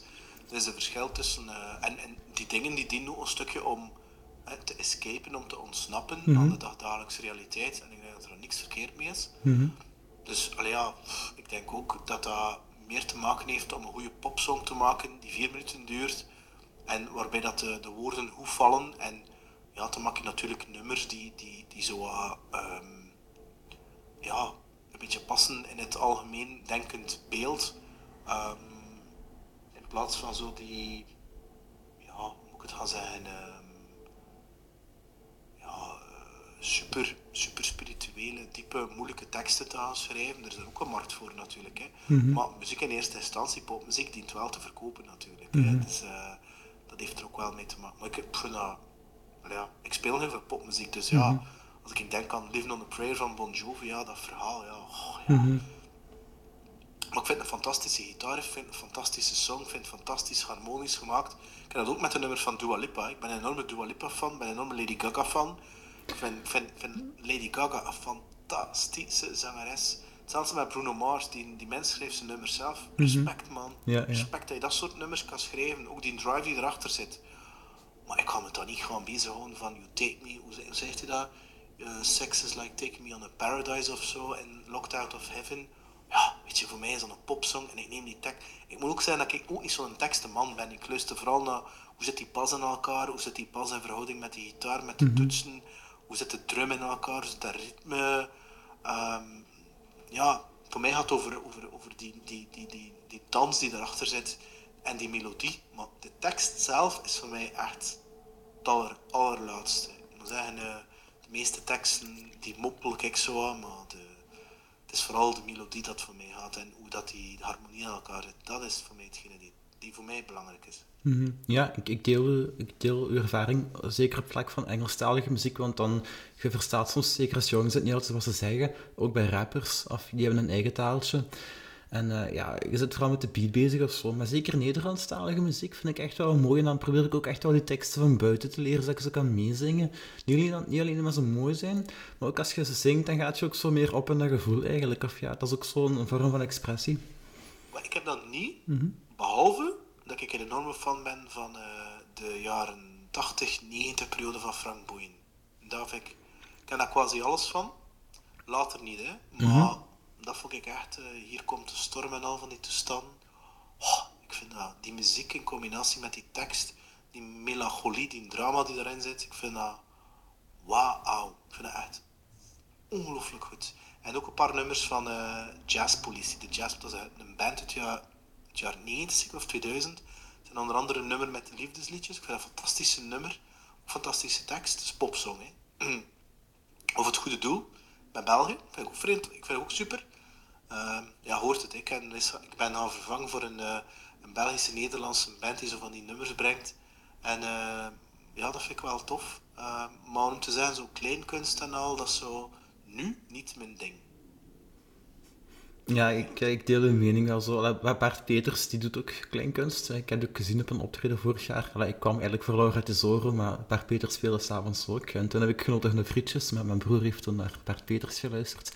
Mooi gedaan, leuk, fijn, maar dat is, ik vind dat zoiets te gezellig. Allee, ik, ik heb liever eh, actie gezellig in plaats van liedjes gezellig, als je begrijpt wat ik ik, heb bedoel. ik heb dan meer voor de, de Mark Leuven-stijl van eh, Bart Peters en de radio's. Van Mhm, ja, ja, inderdaad. Zo, Waarbij dat hij echt zo heel die boel daar in de fik zet. Ja, dat is meer mijn... eh, ja, ik heb, voor mij, ik heb wel graag... eh, mag wel rocken en funken. De, Die twee. Het is niet extreem hard, maar mag wel scheuren en mag wel funken. Ik heb, ik heb een enorme fascinatie ook voor de Nile Rodgers van Chick, die ook met Daft Punk enorm bekend geworden is. Of met... Get Lucky van, mm -hmm. noem die Get Lucky, hij noemt die uh, Pharrell Williams. Ja. En die, die, die, die uh, Nile Rodgers zat eigenlijk achter alles van Chick, uh, Sister, Sister Sledge en al. Ja, en ook Madonna, uh, Duran Duran. ik ben ongelooflijke fan van die mens. Speelt bijna geen gitaarsolos, maar funk jong en nummers schrijven. Bah, zalig. Maar ja, goed, dat is inderdaad, ja, die nummers, dat is niet dat dat nu uh, weer ontschokkeld is qua teksten, maar qua, qua harmonie, dat is bijna jazzharmonie. Ja, dat is wel, uh, ja, ja, ik vind dat wel, mm -hmm. ik vind dat wel supergoed. Mm -hmm. Oké. Okay. Peter, we hebben nog heel wat ja, nummers, niet alleen, maar ook onderwerpen en zo besproken. Um, wat ik zelf wel interessant vind, want je bent 46 geloof ik. Ja. Hoe was het leven zonder internet? Zoals dat leven is met internet. Hadden mensen toen meer focus of minder afleiding? Of was het leven meer puur of uh, oprechter? Of, ja, ik weet niet, wat deden mensen toen in plaats van niet op een gsm te zitten? Oh, dat is zo cliché dat mensen dat meer connecteren. Ik vind dat er niet zo heel veel verschil is, behalve het feit is, als ik dan domme dingen deed, als ik in Leuven studeerde, dat dat niet op een of andere gsm stond. Mm -hmm. Dat is het verschil. Ja. Ik denk dat dat het grootste mm -hmm. verschil is. Um, en ik denk dat. Um, ik denk dat ik weet waar je naartoe wilt met je vraag. Maar ik denk ik weet het zelf niet helemaal hoor. ja, maar ik denk dat de vraag, um, hoe dat er bij mij binnenkomt, is dat het internet is een fantastisch ding. Ik ken heel mijn carrière te danken aan het internet. Vanaf het moment dat ik afgestudeerd ben, ben ik bij start-ups begonnen die gebaseerd zijn op het internet en heel de dotcom-bubbel, e-commerce bubbel, heel, dus ik, I'm a sucker voor alles wat nieuwe technologie is en, en dus, dus ik ben er enorm dankbaar voor. Wat dat niet wil zijn dat ik altijd een, een early adopter ben van technologie.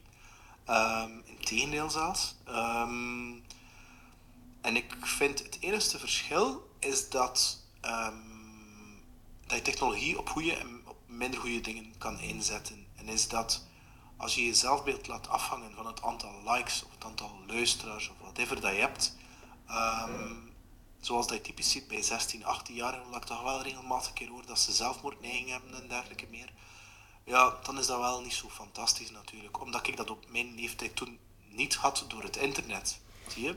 Maar ik had ook wel... Mijn wereld was wel kleiner, hè. Ik bedoel, uh, ja, kwam geen mensen tegen op café. Had, had geen niet zoveel mensen dat je...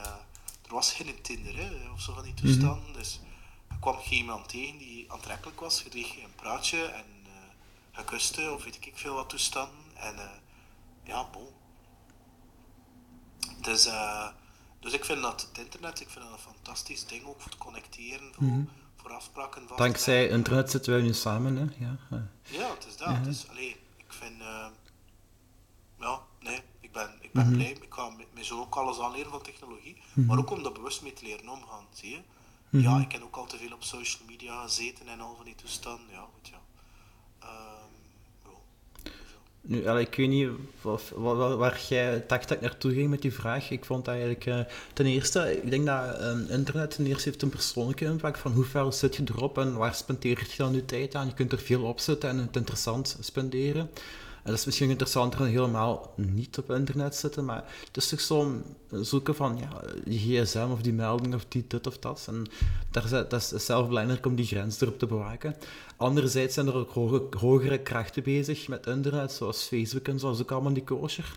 Wat ik wel interessant vind, en dan spreek ik zo meer vanuit mijn eigen zo, als je jong bent en je kunt snel dingen zien, uh, zeker vrouwen denk ik op Instagram, van die veel volgers en die dit en die wow en zo. En ik denk als je daar te veel op laat opjagen, kan dat heel, je kunt je heel droevig, verdrietig voelen eigenlijk. Uh, maar eens je daardoor zit, of wat misschien ook wel het voordeel is, als jonge gast, je kijkt er ook wel op, denk ik, ook al voetbal naar jonge voetballers, die het zo jong al gemaakt hebben.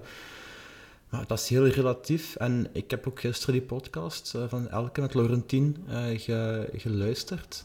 En ik vond het ook interessant wat, wat Laurentien zei, van ze had op jonge leeftijd al succes. En dat is zoals met de coronamaatregelen, hè, die coronapas en zo, ja, om het woord te vernoemen. Ehm, ja, het, het, het invoeren is gemakkelijker dan het, dan afschaffen. En zo ook met succes of de richting die je opgaat. Hè. Eigenlijk is het top halen niet zo moeilijk, maar blijven is moeilijker. Of van top veranderen is nog moeilijker. En dat is het voordeel. Je bent ook later, op, op latere leeftijd vader geworden. Dat vind ik ook wel interessant. Dan dat je ook een, een, een oudere, matuur persoon en daarom ook een betere vader, denk ik. Hè. Allee, dat is uh, wat ik daarvan denk. Je kunt er wat over reflecteren. Ja, maar het is daarmee dat we niet meer te lang gaan trekken, want ik wil mijn zoon leren fietsen. En ah, ja. zo, dat ga ik je niet afgunnen, we hebben anderhalf uur afgesproken, dus uh, daar, daarmee komen we wel toe. En ja, we hebben allebei een podcast, dus de luisteraar mag niet klagen. De, ja, maar weet je, succes is... Ik ben succesvol geweest en ik voel me altijd heel succesvol, vol, liever. Mm -hmm. Alleen is de vraag, en dat is de vraag van Tim Tom, hè. Mm -hmm. Ja, ik, ik, ik is, dacht ook van, we gaan het toch eens ter sprake brengen nu. Wat is succes, wat is geluk en dergelijke meer. Mm -hmm. En het punt is, is dat je, wat ben je met succes als je je ongelukkig voelt, of als je beseft van, en ik heb dat meegemaakt, en ben er tegelijkertijd ook dankbaar voor, je hebt al heel veel succes, maar je beseft wel dat je je ladder tegen de verkeerde boom hebt gezet. Zie je? Je kunt dat wel succesvol zijn in iets, maar mag je dat dan ook wel gelukkig? Omdat je daar gewoon totaal niet mee bezig bent. Of ik was daar totaal niet mee bezig. Ik was me er niet bewust van. Mm -hmm. Maar ik kan dat niet ontkennen. Natuurlijk heb je veel geld en al van die toestanden, dat is wel top. Maar uh, hij verliest dat dan ook weer op. Um, oh, ja. Dus vandaar dat dat voor mij persoonlijk, ja, succes is al goed en wel, maar uh, stel, je eerst de vraag van, maar wat wil je in een gevuld, zinvol leven hebben? En dat mag je eigenlijk al een heel succesvol persoon noemen. Want voor de ene is succesvol de start-up verkopen en daarmee 3 of 4 of 10 miljoen euro cashen. Voor een ander betekent dat gewoon deftig en genoeg kunnen rondkomen in de maand en zijn of haar hoesting kunnen doen. Dat zal twee succesvol zijn. Mm -hmm. En dus hij, hij maakt voor jezelf die definitie wat dat succesvol is. Dat moet daarvoor niet over de titel gaan mm -hmm. of over de, het geld of de nood of de dit of dat, want dat, dat, dat is allemaal leeg. Mm -hmm. It fades away, dat verandert niet. Mhm. Ik vind ook dat ja, geluk is eigenlijk, is eigenlijk gelijk aan succes. En dan heb ik het over duurzaam geluk.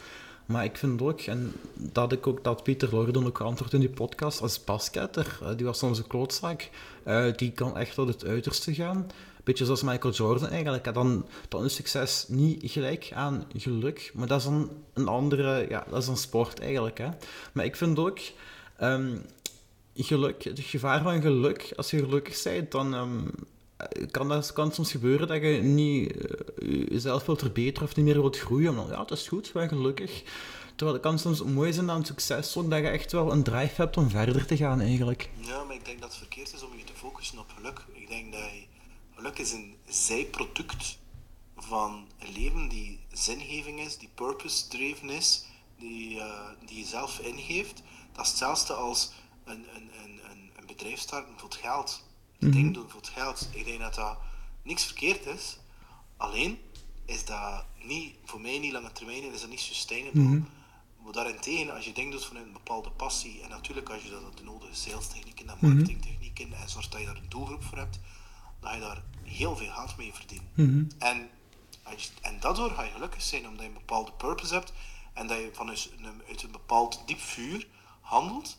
En ja, en dan ga je blijven kunnen gaan maar als je het gewoon gaat doen voor, voor het geld, of bijvoorbeeld voor de luisteraars, een bepaald moment gaat stoppen. Je dient een bepaalde purpose, een bepaalde intentie, een bepaalde why hebben, waarom je bepaalde dingen doet. -hmm. Dat is mooi samengevat. Ik denk dat we ook een beetje tot uh, de climax, of ja, tot, het, uh, tot de essentie komen van ons gesprek ook een beetje.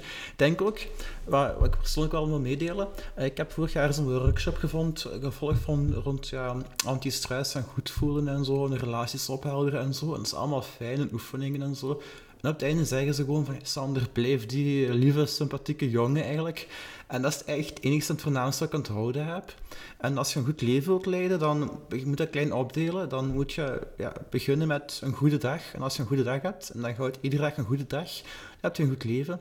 En ik denk, ik heb ook zo die boeken, zoals je zegt, van Think and Grow geluisterd en uh, ja, gelezen. Ik lees ook, ik luister niet alleen, en Jan Bommery en zo. Maar wat ik ervan onthoud is van, je moet niet zoveel geld maken, maar als je gewoon positief bent, dan komt het vanzelf. Ik denk dat vooral we moeten niet focussen op geluk en succes. Dat is wel fijn en dat is soms wel semantiek van wat is wat. Maar ik denk dat het vooral belangrijk is om, om, om, om een flow te blijven, te zijn, te zijn uh, en uh, ja, positief te zijn. Hè. Ja, en het is zoals hij zelf zegt, ik heb dat geleerd van de podcast van Tim Tom met Richard Telet, waarbij dat hij inderdaad zei van ja, het gaat er niet over om een goed leven te leiden, het gaat er mm -hmm. over om een goede dag te hebben. En voor jezelf te gaan bepalen wat een goede dag is. Bijvoorbeeld de dag starten met drie dingen waarvoor dat je dankbaar bent en wat dat je intentie is voor de dag en de dag eindigen met de drie dingen wat je, wat je beleefd hebt en dat je voor dankbaar bent. En dat zijn meestal kleine dingen, maar in die kleine dingen zit wel in geluk. Hè? Ik ga subiet gaan spelen met, met Jules. Ja, kan je verzekeren, daar zit mijn geluk in. Dat is gewoon, ja, dat, dat is het gewoon. En er, er zit dan niks speciaals in mm -hmm. voor de buitenwereld, maar voor mij is dat wel super belangrijk. Ja, voilà. Die, voor... die tijd, die, ja, tijd zeker. die komt die, die komt niet meer terug. Ja, zeker. En uh, Jules zal er, ook, zal er ook heel fel van genieten. Ik denk dat hij liever met zijn vader speelt dan, dan met een Porsche speelt of erin zit of zo. Dus uh, dat is de essentie eigenlijk. Uh, ja, het is voor luisteraars, het is nu vrijdagavond. Peter, heb je nog andere weekendplannen? Nee. Wil je nog iets... Nee? Hm, dat is heel... Ja, nee, echt niet. Ik kan op het weekend niks doen. Dat mag ook, hè. Dat is, dat is goed voor creativiteit, ja. Ah ja, tuurlijk. Hè. Voilà. Nee, ik, ja. ik heb geen plan. Vanaf binnenkort, denk ik binnen een maand of zo, start het, uh, het optreedseizoen, zou ik het maar zeggen. Uh, nee, nee, mm-hmm. nee. Dat is het enige wel met, met ouder te worden, dat ik wel... Uh, te, als er tv-prikkels binnenkomen, dat ik wel tijd nodig om te bekomen. En, ja, ja, jonge mensen kunnen het ook krijgen nog beter. Ja, maar zo dat, dat weekend die zo vrijdag, zaterdag, zondag vol staat, nee, nee, nee, want vaak is mijn, mijn, mijn, mijn zaterdag, zeker omdat mijn vrouw de zaterdag haar zaak open doet, is uh, met Jules overal nog naartoe rijden en uh, mm -hmm. naar de winkel gaan en zo van die toestanden. En uh, connecteren met die ouders van die activiteiten daar. En dat is oké. Okay. Dus dat is mm -hmm. redelijk klein en simpel, maar voor mij hoeft al die wilde uitspattingen niet meer. Ik bedoel, ik ben al very, heel dankbaar om bijvoorbeeld de Gentse feest te mogen spelen en binnenkort weer te gaan optreden. Ik mag dan een beetje de rockstar gaan uithangen. Dus dat is voor mij meer dan genoeg. En dan doe ik mijn gitaar in mijn koffer en rijd ik naar huis. En ben ik heel content. Dus uh, voor mij hoeft het altijd een. Uh, en mag ik dan twee uur staan rondspringen in een halve zot. Mhm. Dus voor mij, uh, voor mij hoeft dat al die. ik heb dan niet meer FOMO. Nee. Ik niet eerder JOMO, Joy of Missing Out. Have fun. Hi Peter, je klinkt als een monnik die het licht gezien heeft. Nee, nee, tegendeel. Ik bedoel, bedoel, maar dat kan zijn dat ik morgenmiddag, ik weet niet, gitaar ga spelen of, of aan, aan, muziek ga zitten prutsen of het een of het ander. nee, tegendeel. Mm -hmm. dus, ja of dus, ik ben blij dat het, dat, dat gewoon weer is. Dus, uh, ja, ja. Nee, of we gaan fietsen, uh, nee, nee, nee, nee, nee, maar nee. Dat is, uh, ik geniet ook van de geneugen van het leven, in tegendeel, maar ja. ik, dat, dat moeten is er niet meer bij. Ja, en voilà. als ik dat zie, ik heb een aantal gevulde weekends gehad, dus nee. Voilà, dat is, uh, dat is natuurlijk met enige overdrijving gezegd van mij en dat is ook mooi geantwoord. Ik voel al sinds een fijne positieve vibe zo tussen mezelf, uh, ons twee en uzelf dus eigenlijk. Um, heb je nog iets te zeggen of een boodschap naar de luisteraars toe of een boodschap van algemeen nut? Ja, volg je hart, volg je intuïtie en doe vooral niet wat een ander vindt dat jij moet doen. En volg je eigen pad en je eigen leven en uh, everything's gonna be alright in the end. And if it's not the end, it's not... Dan is het einde nog niet, hè? Right. voilà, oké. Ja, dat is het. Dus, Voilà. um, dus um, en gras groeit niet door eraan te trekken. Nee, je moet daar liefde geven, water, een goede grond en uh, dan wordt het... ja, Uh, en ja. alles komt op tijd. Ja, ja. Alles komt op tijd. Maar ik moet wel oppassen, want hoge bomen vangen veel wind. Maar ja, bomen is natuurlijk geen gras, maar ja, het is uh, allemaal... Goed, Peter. Alright, Sander, heel erg bedankt alleszins. Ik vond het super fijn. Hij doet dat fantastisch. En ehm, ja, ik wens je u. heel veel succes, heel veel geluk toe. Hetzelfde. En, uh, en misschien een keer tot in real life. Hè. Wie weet, op een of ander podcast-event, of uh, ja, dat jij mij of ik u een award mag uitdelen. Ja, fijn. Ja. Uh, ik ben niet zo... What? Ja, dat is externe validatie, daar doen we niet aan mee. Ja, wat Voilà. is dat? Ik heb daar heel hard aan gewerkt. Dus, eh. Ja, oké. het is al tof, die appreciatie, daar niet van, hè, maar ik, eh, Ik gun het de Team Tomboys met een, male host of the year Ja, ja, van de Belgische voilà. podcast. Nu nog een vrouwelijke host en eh, we zijn helemaal vertrokken. De vrouwelijke host was eh Anan Chalouki. Ah, ah ja, ja, ik ken Die ze. moet ik ja. even aan op je podcast rond... eh, Ja, ik heb nog met haar gestudeerd eigenlijk al en met haar dat klinkt zo intiem, maar ik ken haar van het ja, studententijd, ja. Kijk, mooi. Ja, Zeker vrouw. ziet. Super boeiende, inspirerende vrouw. Prima. Peter, ehm, waar kunnen de mensen jouw podcast luisteren? Op YouTube onder eh, youtube.com slash Peter of op alle Spotify, YouTube, eh, eh, Spotify, ehm, iTunes, Google, eh, podcast players onder What's on Your Mind, PS Grow, kan je ook Ja. onder vinden. Of als je het echt niet weet, gewoon psgrow.com, daar vind je alles. En als je wilt inschrijven op de newsletter is het psgrow.com slash subscribe. Simple as that.